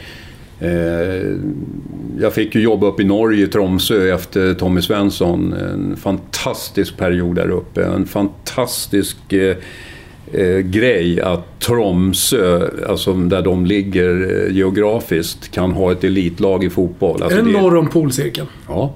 Alltså det, jag hade, när jag åkte hem så hade jag åkt 100 mil. Då var jag i Luleå. Alltså, ja, där har du perspektivet. Och att de, att de fortfarande är ett elitlag i fotboll och, och vann norska kuppen där då eh, med Tommy. Det är helt osannolikt. Jag lärde mig där uppe en sak som jag tog, verkligen tog med mig. Och det var att det här att allt är möjligt. Det är liksom bara vi själva som sätter begränsningar. För det ska inte gå. Men det gick med en, en enorm ambition och, och där. Men där fick jag inte med mig familjen. De, de, de av olika skäl och anledningar. Så, de vill då, inte bo 100 mil norr om Luleå. Det kan ha varit den absoluta orsaken, det vet jag inte riktigt. Ehm, jag på säga, kanske jag borde veta. Men, eh, men det blev bara ett år där uppe och det, det, har jag, det är en sån här grej. För jag trivdes väldigt bra där uppe med hela den väldigt proffsig organisation. Och lite sådär typiskt svensk fotboll också som det var. Det är bättre idag. När jag kom hem därifrån Norge och berättade liksom att är ni medvetna om alltså hur, hur bra man jobbar med, med, eh, med idrott i Norge? Alltså, de var ju fantastiska där med, med eh, friidrott och skidor och fotbollen och med Rosenborg och sånt där. Ja, det var ingen som var intresserad av svensk fotboll utan det, vi hade våran svenska modell och vad fan kunde norrmännen lära oss? Trots att Rosenborg då med Nilsson Eggen där och, och högt i tak var det i Norge. Det var en enormt högt i tak när det gäller debatt eh, där. Och, och inte minst Nils Arne då. Och sen hade ju eh, den här Teita Toresson, islänningen, tränade ju Brann. De hade ju totalt olika uppfattningar om vad, hur en försäsong exempelvis skulle se ut och sådär. Så att det, det, var, ja men det var, det var ett, ett sånt läge, det har funnits flera. Så att svar på din fråga det är att det är klart att hade jag bara tittat på fotbollen och ingenting annat så hade jag säkert kunnat gjort lite andra val. Inte minst då efter det att jag vann serien med AIK där 1980. Där, var ju en, där tog jag ju liksom ett, eh, ett rejält kliv utifrån elitfotbollen och flyttade till Östersund och var där uppe. Och det var en, ett rent hänsyn till att få mera tid med familjen och växa upp i lite lugnare miljö och sånt där. Jag kan tänka mig att alltså precis som du berättar, när, när Stavros helt plötsligt från ingenstans ringer på din telefon. Att eh, du under dina år som tränare också har sett många kollegor fått sådana här eh, chanser ur tomma intet från en, som blixtar från klar himmel. Är det ibland mer tur och tillfälligheter och timing än vad jag och Thomas kanske tror med tränare? Ja, det tror jag det är. Det är en faktor. Men det, det jag kanske idag när jag tittar tillbaka på det ångrar mycket eller ångrar, det, det, är inte, det är inte det, men där, där jag borde ha varit smartare om jag säger så. Det är att jag skulle ha skaffat mig tidigare en, en, en agent. Jag har aldrig jobbat med en agent, jag har liksom jobbat, jobbat själv. Eh, bästa exemplet är egentligen, det här är alltså då 1979 när jag tränar AIK och Sven-Göran eh, tränar Göteborg. Då hade vi båda två kontakt med en, en, en, en eh, kille som heter Börje Lans som bodde i Portugal. Han var ju, han var ju alltså eh, föregångare. När det var lite agentpionjär. Ja, kan man nog kalla det för med stora cigarren och stora magen och alltihop där. En mycket speciell och som hade hjälpt eh, Glenn, eh, Glenn Strömberg till, till Benfica och alltihop det där. Eh, Sven-Göran nappade på det. Eh, och blev ju så, så småningom flyttad till, till Benfica. Jag, jag fick en sån här känsla liksom att nej, det här sköter jag själv. Ingen ska komma in och liksom eh, stöka och böka i mitt liv. Och, och jag fick inte sån här, någon sån här riktigt bra känsla för honom som person heller kan jag säga. Men det är klart att med facit i hand så, så hade det varit väldigt klokt att ha en rådgivare. Det behöver ju inte vara en, en professionell agent, men en rådgivare tror jag gäller alla människor. Att ha någon och, och liksom, bolla med. Bolla med och som kan, som kan föra din talan. Varför ska jag sitta som fotbollstränare och, och diskutera ett avtal och, och liksom innehåll i ett avtal? Så borde ju andra göra och, och så vidare. Det finns många sådana där. Det, det tycker jag har, där har jag varit för tjurig helt enkelt och borde ha insett att att en, en, en, bra, en bra person vid sidan om som hade kunnat eh, vara ute efter det som var din fråga, att söka jobb var någonstans är rätt att landa och var. För det, den här tajmingen att vara på rätt plats vid rätt tillfälle, den gäller inte bara fotbollen, den tror jag gäller livet överhuvudtaget. Och Gusten står i ett läge just nu där vi har möjligheten faktiskt att, eh, att ha en agent. Tycker du att vi ska ta den möjligheten? Ja, det tycker jag. Om det är en person som ni känner att ni har förtroende för och som ni känner kan, kan lyfta er vidare. Jag tror att det är det bästa ni kan göra. Det är inte Börje Lantz. Så mycket kan vi säga. Ni måste gilla honom och ni måste ha absolut hundraprocentigt förtroende att han, att han hela tiden ser till ert bästa och att eh, det är det som är, det som är prio. Där ser vi ju faktiskt en del tråkiga exempel på när det gäller agentverksamheten mm. i fotboll med unga killar och sånt där. Att man, man har inte personen i fokus utan det är helt andra grejer. Nej, men för vad jag tror jag menade var att ibland så kanske man tänker att det är så lätt som att en tränare gör bra resultat med klubb A och då får du nästa klubb som är lite större. Och om du gör bra resultat där så får du klubb 3 som är ännu större och till slut så jobb 4 eller jobb 5 är på den yttersta nivån. Ibland så landar ju tränare i jobb där man inte riktigt förstår någonting. Eh, dels för att eh, uppdraget finns, det är tillgängligt, det är ledigt. Men det kan handla om en kontakt eller det kan handla om en, alltså en, en anledning som jag tror att man ibland inte ens tänker på. Nej, men du har helt rätt där. Jag är helt övertygad om att de, de, flesta jobb tillsätts i form av någon relation, alltså på något sätt. Det är klart du måste ha någon, någon form av, av CV, någon form av meritlista. Men det är klart att väldigt mycket går på, på relation och kontakt, alltså det är ingen tvekan. Hur länge ser du dig själv sitta i Viasat-studion? Ja, det, det, det funderar jag inte på. Jag, jag sitter där till, det, till de anser att jag inte tillför någonting och det har jag sagt till dem eh, tidigt. Att den dagen som ni tycker att jag inte tillför någonting, då säg till mig bara för att eh, det här har varit liksom en bonusresa för mig i princip. Så att... Eh, och det är, väl, det, är väl, det är väl eh, med det som ting Alta, det är väl eh, konsumenten, i det här fallet eh, tittare, som avgör det. Eh, är, är kritiken för stor eh, så... Upplever du att du får kritik? Nej, det gör jag inte idag. Det var mycket, mycket värre för, för på så länge sedan. Eh, då kunde man få samtal om nätterna och någon är på fyllan i djupaste Småland som som undrar om gubben hade blivit senil eller något sånt där. Så det, det, men det upphörde. Men det är länge sedan nu, men det har förekommit absolut.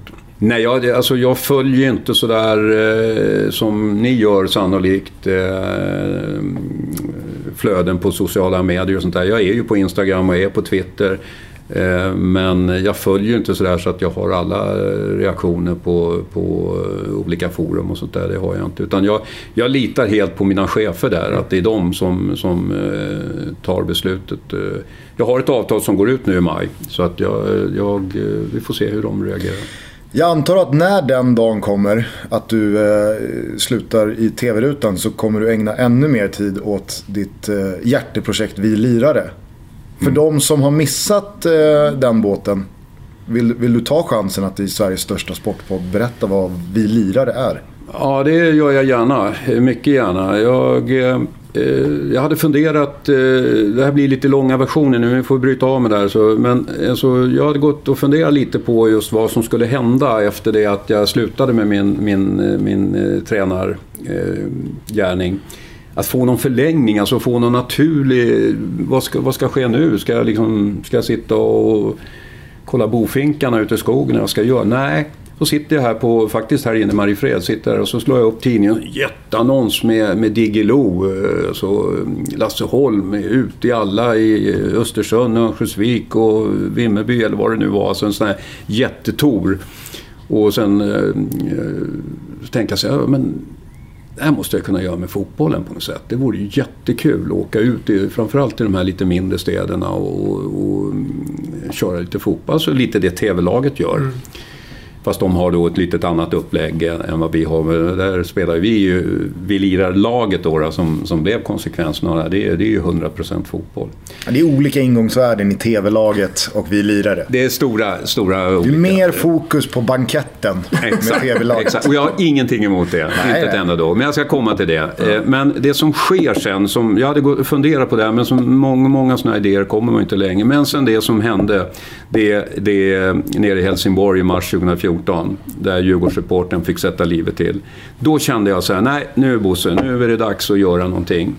För vi lirar laget och, och, hela det här nätverket vi lirar idag, det vilar på, på schyssta värdegrunder. Det är det som är röda tråden. Vi har tagit upp Uefas de här tio budorden som handlar om fair play och respekt och älska sporten, ingenting annat. Och det är vårt budskap. Sen vill vi dessutom vara med naturligtvis och vara någon form av referensgrupp när det gäller att utveckla fotbollen. Alltså inte bara eh, kulturellt och, och, det som sker där utan också sportsligt. Och vi har ju varit, in, vi har varit involverade i en del debatter där och haft våran synpunkt på det. Jag gick ut bland nära och kära, eh, i första hand då här, herrfotbollen som jag har jobbat i och frågade om några var, var med och, och stöttade upp det här och fick ett enormt gensvar. Så vi är nästan 400 ambassadörer idag, alla då med en bakgrund i Allsvenskan som spelare, ledare, domare. Och Lennart Johansson är liksom våran heders... Är det, är det ett krav? Det är ett krav. Eh, Patrik Luxemburg som du känner till, han har varit inne fyra sekunder. Det var någon som sa att det bara var tre eller vad det var. Ja. ja. Men han har i alla fall varit inne på en allsvensk... Eh, Allsvenskans kortaste karriär. Ja, det sägs Fyra så. sekunder. Ja, Thomas Boström sa att det var tre sekunder, men jag vet inte vem som har rätt där. Men, men hur som haver, så, så det, är, det är kriteriet. Nu håller vi på att utveckla det här och har lite andra idéer om att på något sätt bjuda in alla som, som vill representera att eh, det är den goda kraften som ska vinna i samhället. Eh, återkomma till det. Innan du fortsätter mm. bara, jag måste spela in det. För jag spelade ju en säsong tillsammans med Patrik Luxemburg, Jaha. Lurre, i Lurre. Eh, Spånga IS. Ja. Och det var ju väldigt kul eh, att han... Alltså, han var ju väldigt noga med att vi unga fick höra att jag har spelat allsvenskt. Men sen blev ju det där lite liksom följer på eget grepp när det då kom fram till alla 17-18-åringar att han hade gjort fyra sekunder en gång. Men han kallade sig fortfarande för, men jag, är, jag, alltså, jag är allsvensk rutin. Ja. Och det är svårt att säga emot. ja, det är det. Men det, det fanns ju någonting som skavde. Ja. Fortsätt. Ja, nej, men jag lägger ner väldigt mycket tid på det här och eh, har idag eh, Bojan och Limpar, Tommy Söderberg och de här är alltså väldigt nära idag och eh, vi ger varandra mycket energi i det här och eh, jobbar på och det, det känns jätteroligt. Eh, till sommaren så kommer nu så ska vi ha ett fotbollskoll här i Mariefred. Eh, vi är engagerade i, eh, i eh, turneringen nere i Södertälje, Södertälje International Cup. Vilar på bra värdegrunder och prioriterar tjejfotbollen. Målet är att inom ett par år vara 50% tjejer där. Vi åker runt med Velira-laget. Vi ska ha en sommartour nu som kommer. Vi ska vara uppe i Luleå. Vi hoppas, det är inte riktigt klart, att vi ska vara i Gävle. Vi ska spela här i Stockholm när BP fyller 75 år. Eh, vi ska till Degerfors och vi ska avsluta nere i Helsingborg. Så att det är en tuff sommar. Eh, jag har skickat ut sms till alla gubbar där ute och hålla formen. Det är en del som har lite... Är du på dem ordentligt? Ja, ordentligt. Mm. Alltså där är det hela handen. Och och eh, Tommy och jag är då coacher, så vi har ett eh, delat ledarskap. Det är första gången, jag har aldrig varit med om förut. Men det är... Bo-Tommy? Ja. Bo-Tommy? ja, Nej, det är jätteroligt. Och, eh... Vilka kan vara med i det här laget? Vilka kommer följa med och spela? Ja, alltså vi, har, vi var ju nere i Södertälje eh, förra året och hade ett eh, fantastiskt mittfält där med, med Bojan och eh, Arnäng och Abgar Barsem. Och, och i och med att vi kan ha liksom den där kvaliteten där på mittfältet, då kan ju Neborsa och Limpar och de här fortfarande vara med och få få köra lite sina, sina danser där. Så att vi försöker ju liksom bygga till det på det sättet. Och nu ska det bli kul att vi får åka ner då till, till Helsingborg här så vi kan aktivera lite av den här eh, Skånegänget där med Niklas Skog och Mattias Lindström och Yxel Osmanowski, Erik Hedman och de här. Så att det, det ska bli jättekul. Jag träffade Yxel för ett par år sedan. Han såg ut att vara i form. Absolut. Han var med och spelade i somras i Tibro. Vi var nere och... kan hända mycket på ett par år. Ja, jo, kan fråga mig. Det är ju Thomas ett eh, Bosse, eh, levande exempel Vi satt på. i Expressen-studion och så hade vi inte setts på ett halvår eller någonting sånt där. Så kom han in och så första var han kollade mig på magen och så... Ja, gått upp några kilo där. Du vet, sånt där, sånt där lägger jag märke till. Som gammal fotbollstränare. Ja, ja, ja. Eller? Det där synade man killarna. Det var första man gjorde på varje träning. Så att det, man, fick, man fick någon blick där för varje, varje gram som låg på.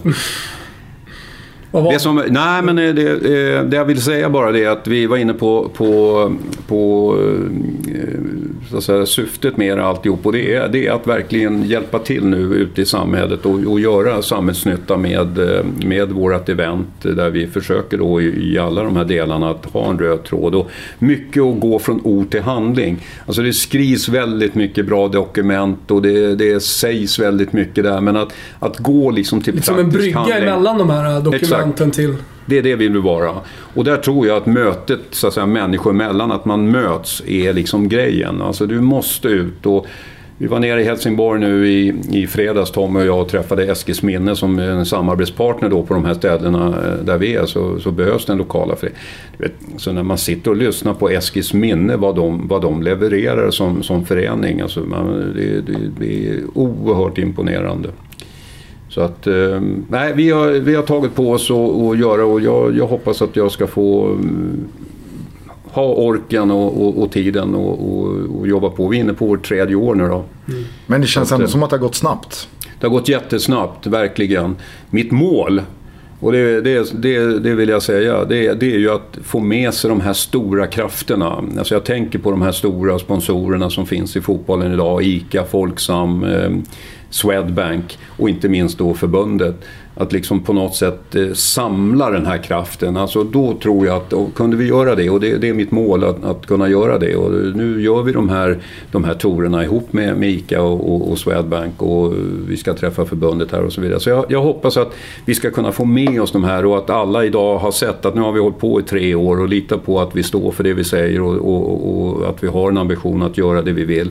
För då, kan vi, då tror jag vi kan göra skillnad där ute. För att eh, det, vi har många, många av de här killarna nu och tjejer, det var dit jag skulle komma. Eh, jag tappade den. att Jag hade ju inte mina, mina kontakter in i, eh, i tjejfotbollen men där har nu Lisa Ek och Lika Scheber och Marie Lilja och allt och där hjälpt till. Och så att eh, vi har säkert ett 30-40-tal tjejer med idag. Mm. Så där finns mycket att, att, att, göra fortfarande. Jag vet inte om du har tänkt tanken själv, annars kanske du hör den här för första gången. Men jag tror ju att inom fem år så kommer vi lirare mot, alltså det, det, det kommer motsvara varor som är kravmärkta. Jag tror att klubbar kommer bli vi lirare-märkta. Att de uppfyller liksom vi lirares stadgar på att de ställer upp på den här andan som ni försöker, antingen, jag vet inte om bevara är, är rätt ord, eller i alla fall liksom säkerställa. Jag tycker det är en underbar tanke. Att det är rätta värden på klubbar. Ja, en form av kvalitets... Eh... Exakt. Ja, bra tanke. Den bjuder jag på. Mm, jag tar den till mig, verkligen. Och det är ju naturligtvis på något sätt dit... Eh, det var lite det som, som jag sa också, att jag tror idag att vi, vi var väldigt tydliga med, och det var någon form av kvalitetssäkring det här att man skulle vara inne på, på en, en allsvensk arena för att, eh, så att säga, bli ambassadör. Idag är jag inne lite på att vi ändå ska öppna upp för alla Oavsett om man har... Snart kommer mejlet Thomas. Ja, det kommer. exakt. Till att vi blir... För att där finns ju också en kraft. Om vi skulle få, om vi skulle få väldigt många människor att stå upp liksom för de här grundvärderingarna och vara med i det här. Så skulle vi kanske i förlängningen också kunna bidra till någon av fond eller stipendier för att dela ut en någonting årligen som skulle kallas för, alltså du har gjort någonting eh, viktigt för att sprida den goda kraften till person eller till organisation. Jag säger att vi lirare är en del av fotbollsgalan inom fem år. Ja.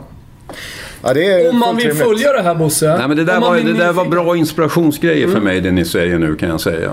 Vi har mycket bra tankar mm. jag och Gusten. Toto Balotto, vi skriver under Fast nu kan du, inte, du kan ju inte åka snålskjuts på min briljanta idé. det gör jag inte. Du sa ändå vi. Ja, men jag tycker kombon, jag tycker kombon det ni sa var, var grejen. Ja, ja. ja där, där, ser du Gustav. Mm. Men om man nu blir nyfiken på Vill och vill följa eh, ert fortsatta arbete, så här, hur gör man då? Ja, vi har en hemsida som man kan besöka, vilirare.se och där har vi dagliga krönikörer. Det är eh, ganska oetablerade eh, skribenter, en del studerar journalistiken, andra är igång lite i ungdomsverksamhet. Eh, Men det finns ju några Toto Balutto-favoriter där. Leonard Jägerskiöld Nilsson. Har varit med och skrivit, absolut. Adam Nilsson. Varit med och skrivit där. Eh, ja, och du har väl skrivit något alster där också? Ja. Ni har varit med och, och eh, helgskrivit och kommer att pressas med ytterligare ett mejl här i veckan att eh, fortsätta där. Så just till helgerna, så, helgerna bjuder vi in eh, skribenter. Och så sammanställer vi det här varje år så vi är inne på vår tredje, tredje bok nu då och sammanställer som vi delar ut i lite olika sammanhang. Sådär. Så att, eh, mm.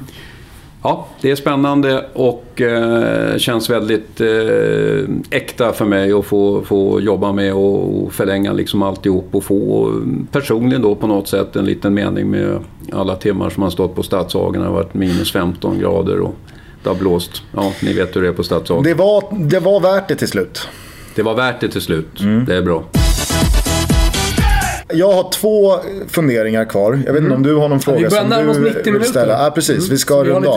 också. Men eh, jag har två funderingar. Eh, jag tycker att din och ditt... Eh, alltså du har ju förärats med ett parodikonto på Twitter. Alltså när någon, eh, där någon då eh, twittrar i ditt namn så som du brukar kunna prata lite om vissa spelare i Viasat-studion. Och jag, tyck, jag tycker att relationen ditt konto och det kontot Alltså det är, det är underbart. Det är sällan man ser det stanna på en sån liksom värdig och fin nivå. Mm. För att du verkar ta det hela med ro och bara tycka att det är kul. Och det kontot, jag har ingen aning om vem som driver det, Nej. håller ju på rätt nivå. Kan du berätta lite om eh, din egen tanke och känsla kring det här kontot? Som alltså heter inte Bosse P. Nej, jag, jag, för det första har jag ingen aning om vem som, som driver det. Om vi tittar på det. Nej, nej för fan. nej, men jag, jag, du, du trodde det var jag? Bosse misstänker alla. Exakt. Nej, jag har ingen aning. Men jag tycker precis som du säger. Jag tycker det är gjort med kärlek. Alltså, och eh, jag köper alla de där bitarna med lite felsägningar, uttal på namn och alltihop det där. Det, det är jag på något sätt och, och lite annat där. Och, Vilken är klassikern? Ja, det är ju Marwan Shamak, som Bosse kallar för Shamacken. Benayon. Benayon och sen eh, spelare som är snidare. Ja, det finns många och jag kan säga min hyllning till den personen som driver det här och jag, ser, jag bryr mig inte om jag får veta eller inte. Det är att jag ändå har ägnat ett kapitel i min bok till det här kontot. Alltså det är en massa citat på under ett kapitel i boken som jag, som jag uppskattar och som jag tycker har varit väldigt, väldigt roligt.